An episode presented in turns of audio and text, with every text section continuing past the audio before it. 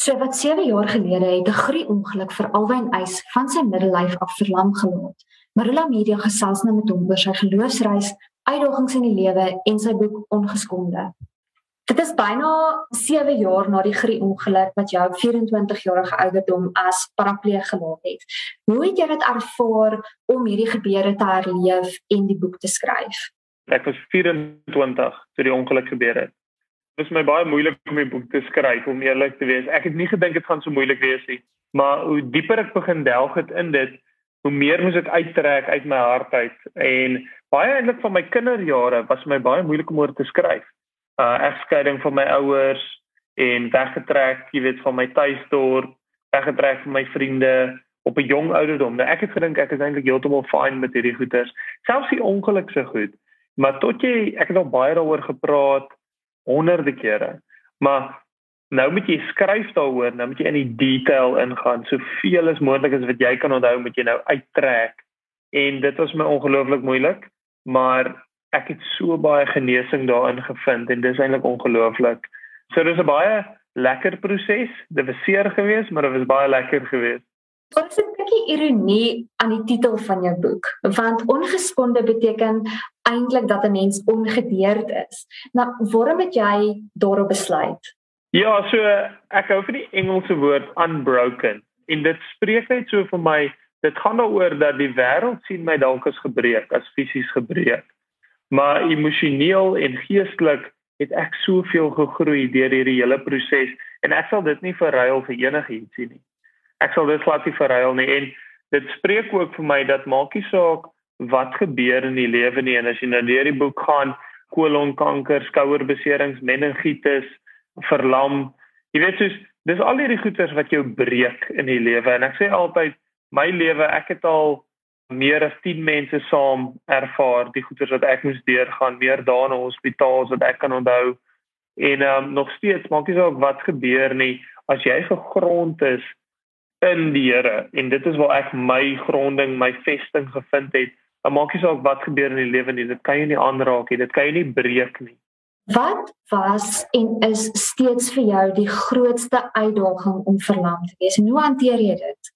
Ja, dit is my nogal moeilik om te sien wat almal nog steeds kan doen, soos wat kan gaan draf en kan gaan fietsry en bergklim en dis net normaal kan swem en goeters kan doen wat ek fisies nie kan doen nie. En ek kan baie goeters doen, ek het al baie goeters gedoen, maar daar's party goeders wat ek fisies net nie kan doen nie.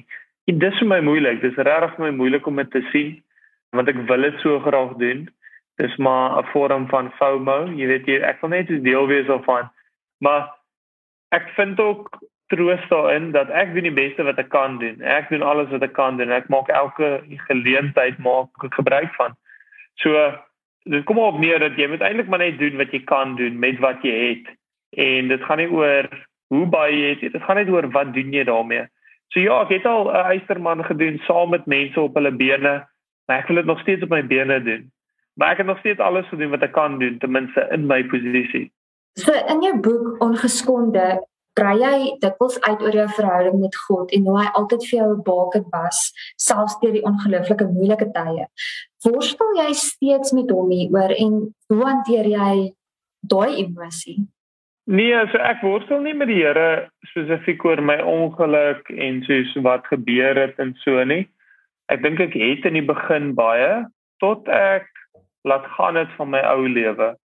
En dit het my omtrent 4 of 5 jaar gevat om regtig tot 'n punt te kom. Ek sal nie sê dis aanvaarding nie. Dis net 'n punt wat ek vrede het met wat gebeur het en ek beweeg nou aan en ek moet myself sê dat maak sop wat gebeur nie my lewe gaan nooit weer dieselfde wees nie. Ek gaan nooit weer dieselfde lewe kan terug hê. Ek's baie uitgesproke ook daaroor dat ek glo in totale genesing en ek glo dat die Here my nog steeds gaan genees. So dis hoekom ek nie vashak daarbey dat ek in 'n rolstoel is nie. Ek verstaan dis tydelik. Ek verstaan die woord van die Here. So hoekom sal ek dan met hom borsel daaroor? Ek glo in sy tyd sal alles gebeur op die regte tyd. En natuurlik wanneer 'n mens 24 is, is dit moeilik om swets. Jy weet so ongeluk wat so lewensveranderende uitwerking op jou lewe het. Dit is in daai uiterdom baie moeilik om vrede te maak en dit, ek dink dit is normaal om dan dat 'n mens gaan wortel met God. Op 24 dink jy mos die lewe kan jy nie aanraak nie. Jy dink niks kan gebeur nie. Jy hoor altyd van hierdie goeters en jy weet van mense wat verlam is, maar jy dink dit kan met jou gebeur. En daai was vir my 'n groot reality check. Soos om net te besef dat die lewe het nie kriteria nie en hierdie goeters kan met my gebeur en dit het, het met my gebeur. Maar die positiewe kant daar is van ek het myself gevra, ek nou wat nou? Soos ek nog my hele lewe voor my wat doen ek nou? Gaan ek net in sak en as gaan sit of gaan ek eintlik opstaan en en ietsie maak daarvan en net probeer my lewe nie terugkry nie, maar om 'n nuwe begin te maak.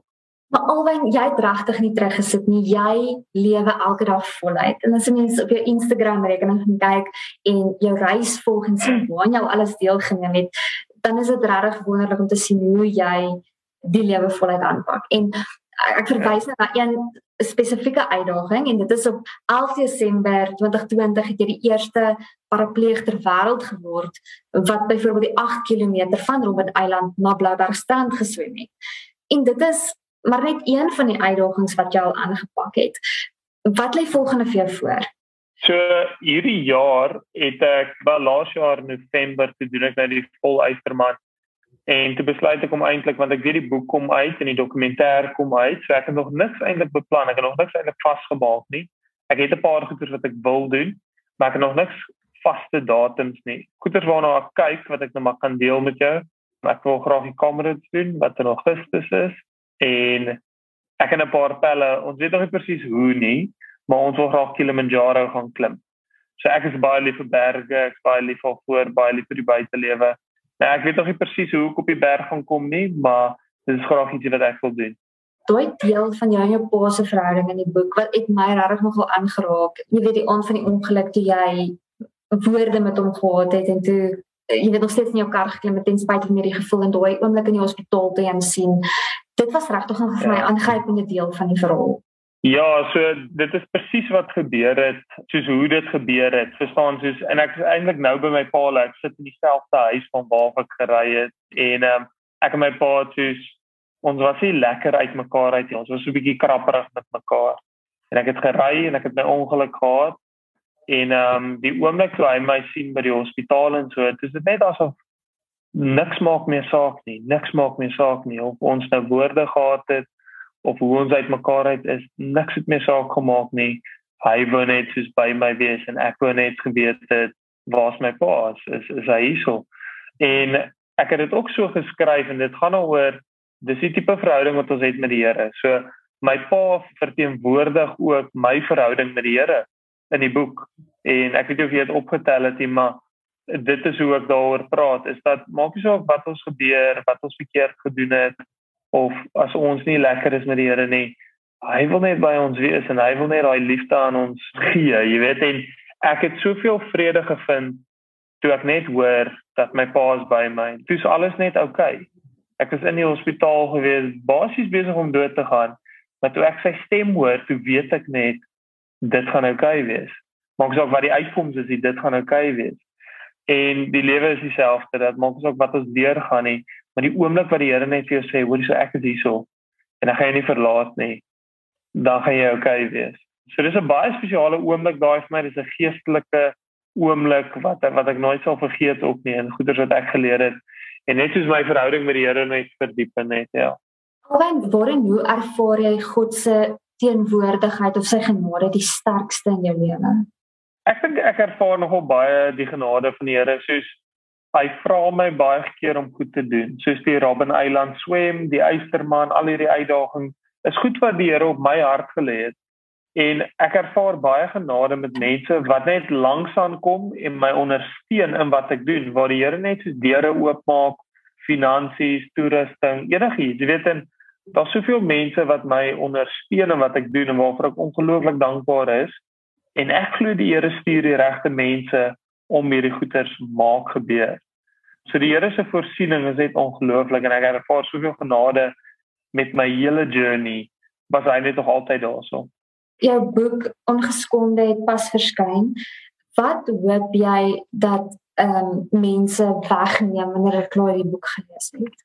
Ons kan nie wag dat so ongeluk gebeur of 'n traumatiese event gebeur in ons lewe voor ons besluit om te lewe nie. En nie net dit nie, voor ons besluit om terug te draai na die Here toe nie. Want die die realiteit is ek ken die Here al my hele lewe lank of basies my hele lewe lank of van 'n jong ouderdom af, maar ek het nie gelewe vir hom nie. En hierdie ongeluk het my wakker gemaak om te besef dat wow, hoorie so, jou lewe kan môre eindig en dan is dit alles verby en wat het jy dan om te wys daarvoor in terme van koninkrykwaarde? So my boodskap is altyd soos draai terug na die Here toe. Soos ons moet terugdraai na die Here toe, ons moet sy aangesig soek en net vir hom lewe. En ek kan dit gemaklik sê, ek kan dit openlik sê want ek weet hoe voel dit om alles te verloor. Ek weet hoe voel dit om basies jou lewe te verloor en oor te hoef te begin. En my tweede kans wat ek gekry het, is ek absoluut net wat lewe ek net vir die Here. En dit is soveel meer vervullend as om vir jouself te lewe.